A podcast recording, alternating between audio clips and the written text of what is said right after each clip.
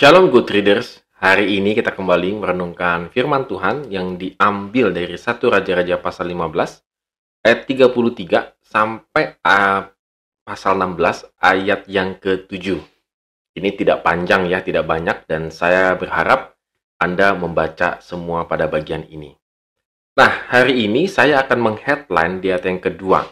Oleh karena engkau telah kutinggikan dari debu dan kuangkat menjadi raja atas umatku Israel, tetapi engkau telah hidup seperti Jerobeam dan telah menyuruh umatku Israel berdosa sehingga mereka sehingga mereka menimbulkan sakitku sakit hatiku dengan dosa mereka.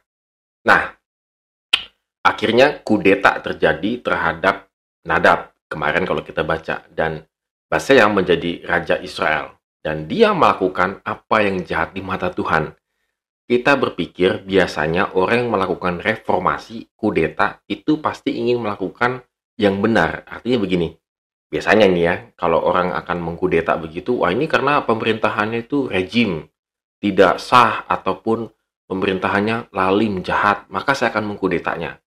Nah, mu, saya juga berpikirnya demikian gitu ya.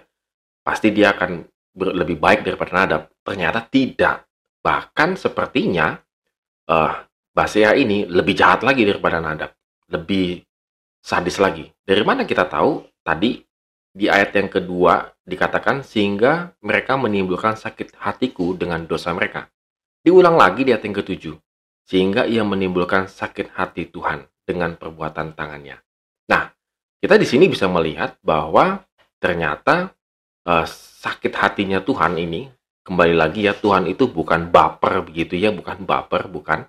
Ini ingin menunjukkan bagaimana uh, perbuatan keji mereka perbuatan dosa mereka itu sampai double double lah begitu kira-kira. Sangat dalam dan sangat jahat. Oleh karena itu Tuhan menghukum Basea.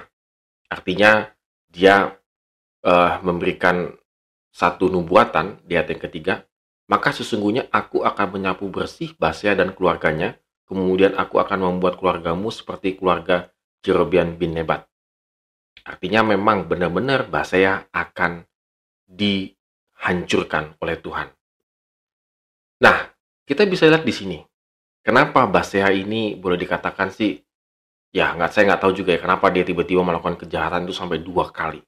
Tetapi ada satu yang ditekankan oleh penulis uh, satu raja-raja ini kepada si Basya ini adalah dikatakan gini, Engkau telah kutinggikan dari debu dan kuangkat menjadi raja atas umatku Israel.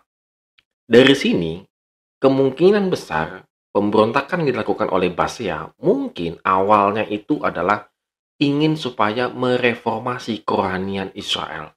Sehingga Nadab itu perlu dikudeta, kira-kira gitu.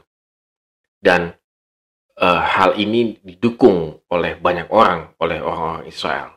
Dan bahkan tanda petik nih didukung oleh Tuhan. Tapi yang terjadi adalah kebalikannya.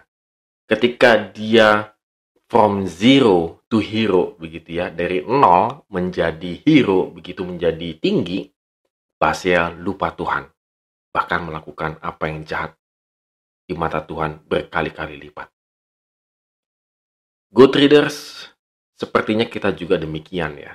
Banyak dalam kehidupan kita, segmen-segmen dalam kehidupan kita, ketika kita from zero to hero begitu ya, yang ditinggikan oleh Tuhan, kita malah meninggikan diri kita dan melupakan Tuhan. Apakah kita seperti Basea? Ini menjadi renungan kita pada hari ini. Banyak Tuhan tinggikan kita. Banyak Tuhan angkat kehidupan kita. Tetapi setelah kita tinggi, kita lupa Tuhan. Setelah kita tinggi, kita menjadi sombong dan tidak rendah hati. Kembali kita renungkan firman Tuhan hari ini. Apakah kita termasuk orang yang from hero, uh, zero to hero, tetapi akhirnya melupakan Tuhan. Amin. Tuhan Yesus memberkati kita semua.